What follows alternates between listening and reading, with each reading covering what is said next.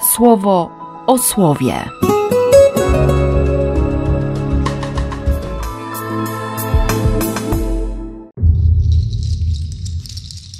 Dwudziesty dziewiąty stycznia, sobota.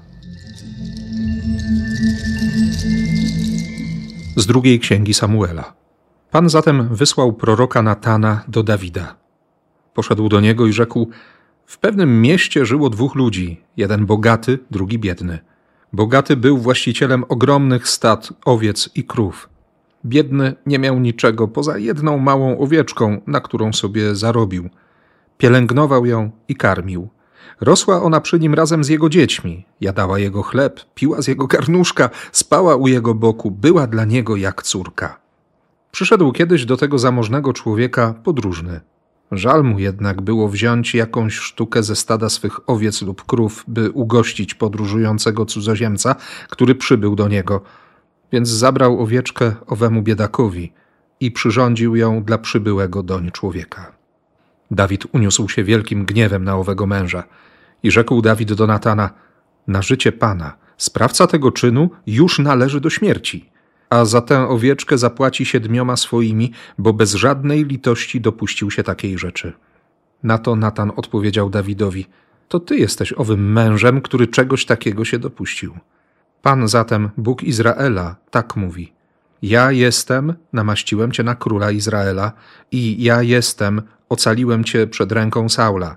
Oddałem ci dom twojego pana i kobiety twojego pana na twoje łono. Oddałem ci dom Izraela i Judy. Gdyby to było za mało, dodałbym ci do tego jeszcze coś więcej.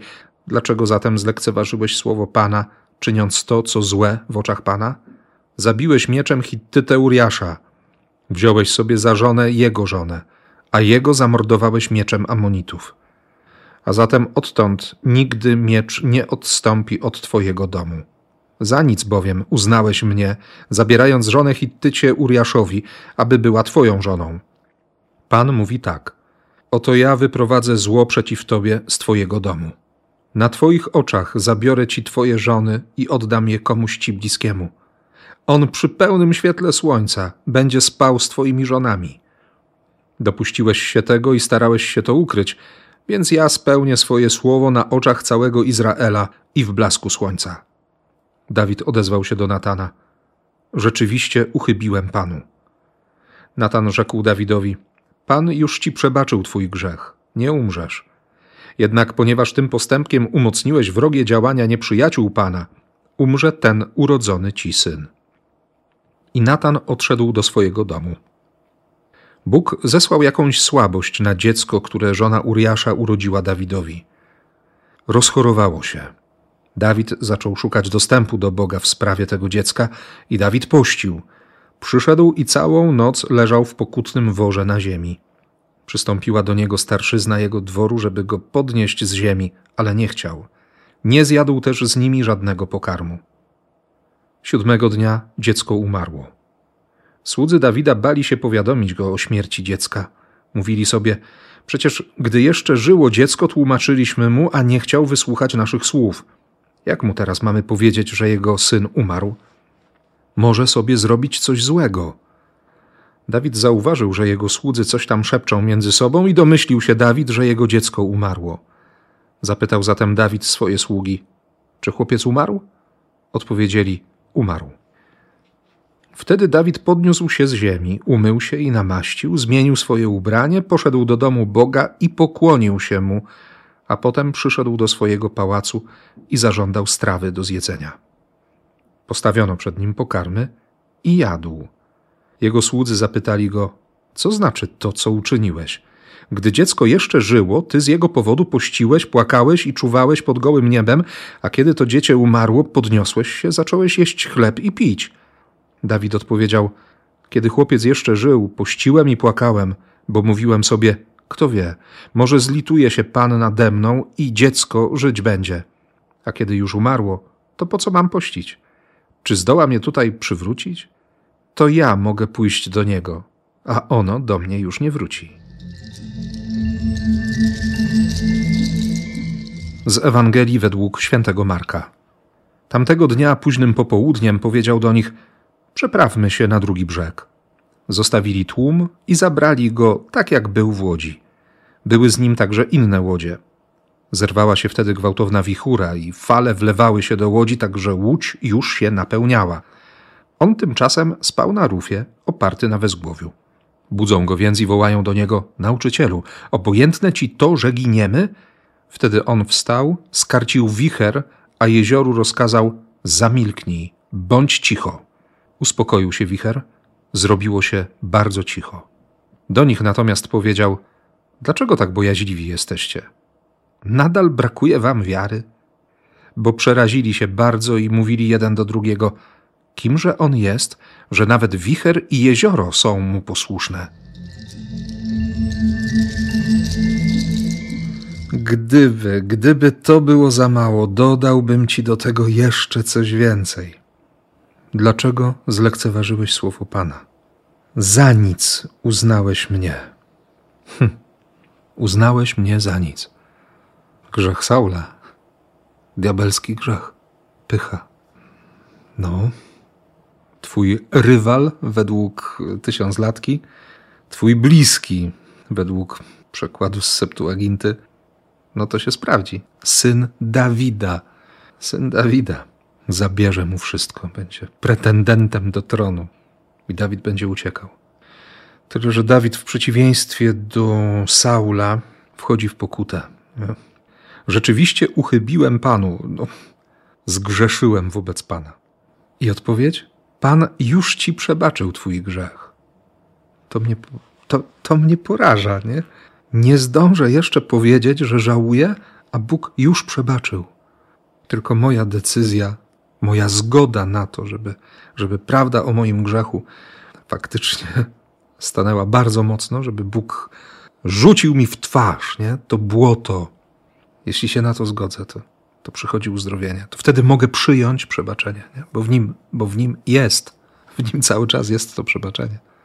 No i owszem, to to hasło to ty jesteś owym mężem, który czegoś takiego się dopuścił, ty jesteś tym człowiekiem, brzmi no, bardzo złowieszczo wręcz. I ciągle jest ten wybór. Nie? Kiedy mnie mój grzech chłoszcze, kiedy mnie przewraca na ziemię, kiedy wydaje się być o wiele silniejszy niż ja. Albo, albo będę udawał, albo będę tym hipokrytą w szczytowej formie, albo pozwolę na upokorzenie przez prawdę. I myślę, że oboje wiemy, że to wcale nie jest takie proste. Choć oboje się przekonaliśmy już nieskończoną ilość razy, nie? Że, że ta zgoda daje autentyczną wolność, że nie trzeba uciekać od stanu faktycznego. Pewnie jest wstyd, jest, jest to zatrzymanie się i mocny hamulec, bo, no bo jak? I pewnie, że o wiele łatwiej widzi się te wszystkie drzazgi w oczach sióstr i braci, nie? niż te belki czy drągi we własnym sercu. I łatwo się potępia u innych to, co próbuje się wytłumaczyć i usprawiedliwić w sobie. Ale Bogu dzięki, że, że to On nie zrezygnuje. Nie? Że to Bóg będzie ciągle walczył, będzie ciągle przychodził, by ratować, nawet jeśli trzeba w tym wszystkim doświadczyć śmierci. Może teraz masz czas pokuty, nie wiem. Natomiast wiem, że, że to słowo dzisiaj naprawdę prowokuje mnie, motywuje i domaga się. Domaga się dziękczynienia za spowiedzi. Za te wszystkie pojednania. Tym bardziej, kiedy święty Paweł napisze później: Dajcie się pojednać. Nie tyle pojednajcie się z Bogiem. Nie? Dajcie się pojednać z Bogiem. Tu trzeba wiary. No, trzeba takiej wiary, że że On to może zrobić, że On przebaczy, że On nie zostawi. Czemu tak bojaźliwi jesteście? Nadal brakuje wam wiary? Bo to wszystko, co się działo na jeziorze, ta sytuacja z końcówki czwartego rozdziału Marka, to nie była walka z żywiołami. Tu nie chodziło ani o wodę, ani o wiatr. Tutaj demon się wściekał. I mimo, że się wydawało, że Jezus śpi, że go to kompletnie nie interesuje, że jest mu to obojętne, to on ani przez chwilę nie stracił zimnej krwi, ani przez chwilę nie przestał być panem. Wcale nie jest łatwo w to uwierzyć, nie? Kiedy, kiedy nałogi są, kiedy trudności są, kiedy wszystko idzie nie tak. I to nic, że chwilę wcześniej uzdrawiał, dawał słowo, jeszcze wyjaśniał to wszystko. Nie, nic cię to nie obchodzi, nie? Obojętne ci jest to, że giniemy. A Jezus wstaje i, i nazywa wszystko po imieniu, nie? Bo nie o jezioro chodzi i nie o wicher, ale o demona. W pierwszym rozdziale synagoga. Dokładnie to samo słowo, ten sam rozkaz. Zamilknij, bądź cicho. Nie? Nałóż kaganiec. I tak sobie pomyślałem, że, że te sytuacje są wykorzystane przez Jezusa po to, żeby, żeby nie przegapić tego, co przychodzi później. Bo strach pochodzi od demona. Diabeł ciągle chce tego dystansu. Ale pozorna nieobecność i bezużyteczność wręcz, brak zainteresowania, to szansa, żeby wyostrzyć zmysły. Oni muszą dokładnie zobaczyć to, co się będzie działo za chwilę, kiedy, kiedy już dotrą na drugi brzeg jeziora. Nie wiem, co, co przed nami, ale wiem, że ta liturgia oprócz wezwania do, do dziękczynienia za spowiedź, domaga się też modlitwy o, o nieustępliwość w wołaniu. Szczególnie w takich momentach, kiedy się wydaje, że, że on śpi, że go to wszystko nie interesuje. I dobrze, że jest Kościół, który się modli, który w takich chwilach pokazuje, że, że Bóg jest, jest bardzo blisko. No to zróbmy sobie wyprawę otwartych oczu, by go zobaczyć, by się jeszcze raz przekonać. I niech nas na to błogosławi Ojciec, Syn i Duch Święty. Amen. Słowo o słowie.